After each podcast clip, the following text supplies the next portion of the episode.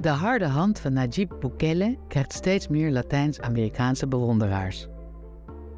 De Salvadoraanse president wordt vanwege zijn harde optreden tegen bendegeweld ervan beschuldigd de mensenrechten te schenden en de democratie af te breken. Maar in de regio is zijn mano dura aanpak voor velen een voorbeeld. Volgens critici heeft Najib Bukele, de president van El Salvador, zich ontwikkeld tot een meedogenloze hardliner die eerlijke rechtsgang en andere civiele bescherming met voeten treedt. Maar in Latijns-Amerika heeft hij met zijn gemilitariseerde optreden tegen bendes een fanclub verworven die maar blijft groeien. Prominente politici en doorsnee burgers tonen bewondering voor zijn beleid, niet alleen in aangrenzende landen, maar ook in het verder gelegen Peru en Chili. Ze wensen dat hun eigen land een soortgelijke aanpak volgt.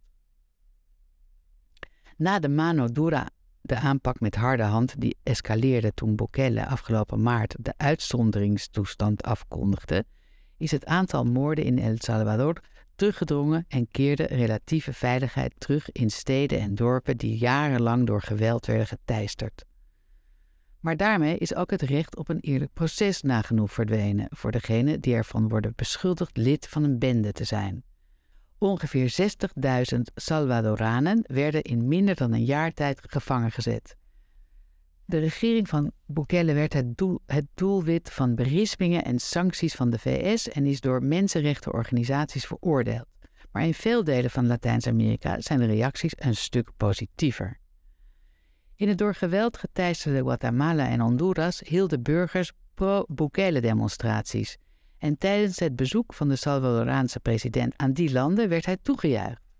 De minister van Veiligheid van Costa Rica, Jorge Torres, riep zijn regering op om Bukele na te volgen.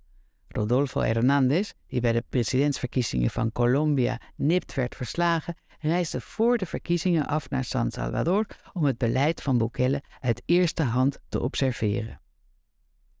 Rafael López Aliaga, burgemeester van de Peruaanse hoofdstad Lima en rechtse presidentskandidaat, beloofde een Bukele-strategie om de stedelijke criminaliteit aan te pakken. Zelfs in het verre Chili, waar de criminaliteit sterk toeneemt, waren pro-Bukele-demonstraties een veel besproken onderwerp op sociale media. Critici van Bukele in Latijns-Amerika daarentegen zijn opmerkelijk dun gezaaid. De Ecuadoriaanse president Guillermo Lasso, die door critici onder druk werd gezet om zich uit te spreken over de verslechterende veiligheidssituatie in eigen land, vond dat Bukele te ver was gegaan. Hij klonk als een roepende in de woestijn. Niet zo gek, want een recente opiniepeiling laat zien dat Bukele bij de Ecuadorianen twee keer zo populair is als alle andere politici in het land. De soft power van Bukele, ongewoon voor een president van zo'n klein land, is de vrucht van jarenlange diplomatieke arbeid. Al voordat hij in 2019 president werd, gaf hij aan dat hij de banden met zijn buurtlanden wilde aanhalen, maar zijn echte kans kwam daarna. Het lanceerplatform werd de pandemie, die de doodsklok luidde voor zittende presidenten in de hele regio. Om zijn internationale imago te promoten, profiteerde hij van de relatief doeltreffende, zij het draconische reactie van zijn regering op de pandemie. In mei 2021 schonk zijn land 34.000 vaccins aan juichende menigtes in Honduras, waar een tekort was ontstaan door corruptie en incompetentie. Nadat verwoestende orkanen de regio troffen, stuurde zijn regering ook medische noodhulp naar Honduras en Guatemala en bood zij aan om de Nicaraguaanse artsen in dienst te nemen. Die waren ontslagen omdat ze kritiek hadden geuit op de dictatuur van Daniel Ortega. Net als zijn jeugdidool Hugo Chavez klapte Bukele de presidentstermijn aan zijn laars en zuiverde hij de rechterlijke macht in eigen land. Ondertussen cultiveerde hij het imago van weldoener in het buitenland om zijn regering te beschermen tegen kritiek. In 2023 lijkt Bukele dat script te herhalen, alleen exporteert hij nu zijn veiligheidsbeleid.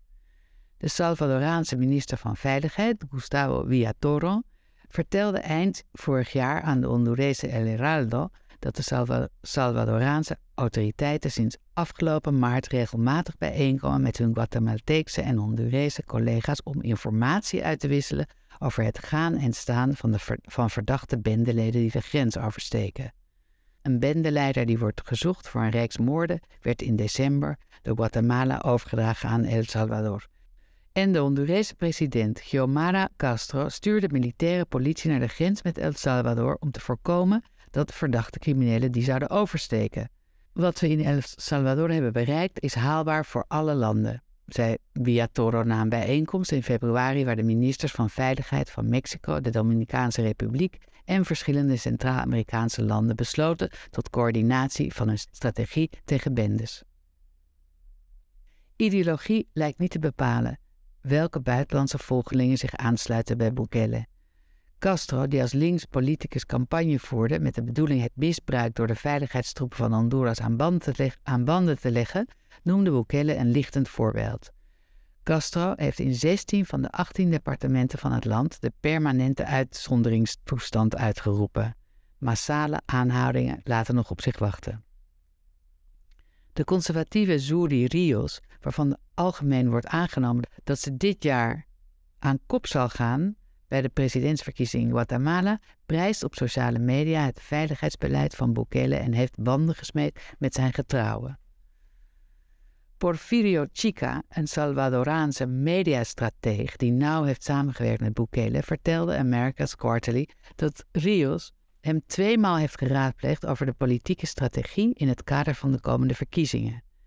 Hij merkt daarbij op dat Bukele de soevereiniteit van zijn buren altijd strikt heeft gerespecteerd. De invloed van het veiligheidsbeleid van Bukele reikt nog veel verder.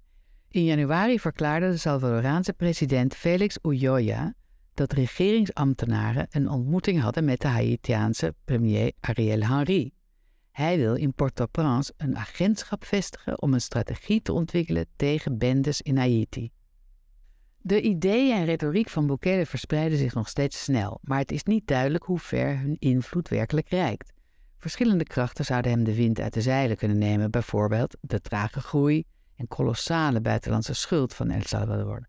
Het IMF voorspelt dat deze tegen 2027, mede gevoed door de dure campagne tegen bendegeweld en populistische economische hervormingen, 97,5% van het BPP zal bedragen.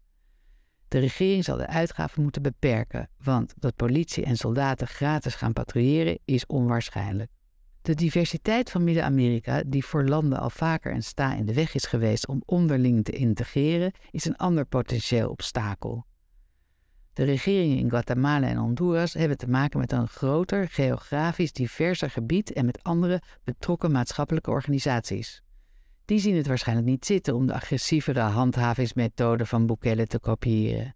In Costa Rica en wellicht ook in de, in de Dominicaanse Republiek en Panama kan het relatief sterke rechtssysteem een rem zijn als daar de aanpak van Bukele wordt geïmiteerd. Ook burgers zelf kunnen zich ertegen verzetten. Bukele heeft zich weliswaar gepresenteerd als een moderne Francisco Morazan, de 19e-eeuwse onafhankelijkheidsstrijder die een groot deel van Midden-Amerika verenigd wilde houden. Voor anderen doet hij juist denken aan Operatie Condor. De zoektocht van Bukele naar soft power in Latijns-Amerika is vooralsnog te succesvol om hem nu al af te schrijven. Gewelddadige criminaliteit, de voedingsbodem voor zijn soort beleid, is vrijwel overal in Latijns-Amerika een groot probleem. Zowel burgers van Chili en Ecuador, waar het altijd rustig is geweest, als die van chronisch gewelddadige landen zoals Haiti, Honduras en Colombia, hebben conventioneel veiligheidsbeleid al te vaak zien mislukken. Voor velen is de aantrekkingskracht van Bukele juist zijn radicale aanpak van misdaad. Mano Dura, presidenten in de regio die hem voorgingen, zoals Antonio Saca van El Salvador of Otto Pérez Molina van Guatemala, lijken vergeleken met hem voorzichtig en gezagsgetrouw. Vooralsnog nemen de ambtsgenoten van Bukele er nota van. Vind jij 360 Magazine ook zo'n goed blad? Hoe ze het alleen al voor elkaar krijgen om al die kranten te lezen? Ja, iedereen vraagt om steun voor kwalitatieve journalistiek, dat is logisch. Maar dit initiatief zou ik nou best eens een iets ruimer financieel jasje gunnen. Hoe kan dat? Ja, dat kan sinds kort via fooiepot.com slash 360 magazine. Dat is fooiepot met een d.com schuine streep 360 magazine.